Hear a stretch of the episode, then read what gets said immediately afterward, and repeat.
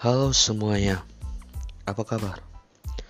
Mudah-mudahan kalian sehat selalu di mana pun kalian berada Dan dijauhkan juga dari virus corona yang sedang menimpa bumi kita ini Sebelum kita lanjut, di sesi kali ini aku hanya ingin memperkenalkan diri aku saja Karena ada kata pepatah, tak kenal maka tak sayang jadi perkenalkan namaku Kevin Nobelanto Sitopo, salah satu manusia yang gak jelas dan manusia yang masih labil.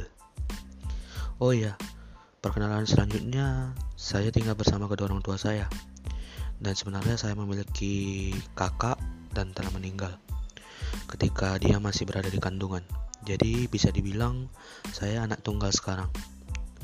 Jadi mengapa sih aku bikin podcast?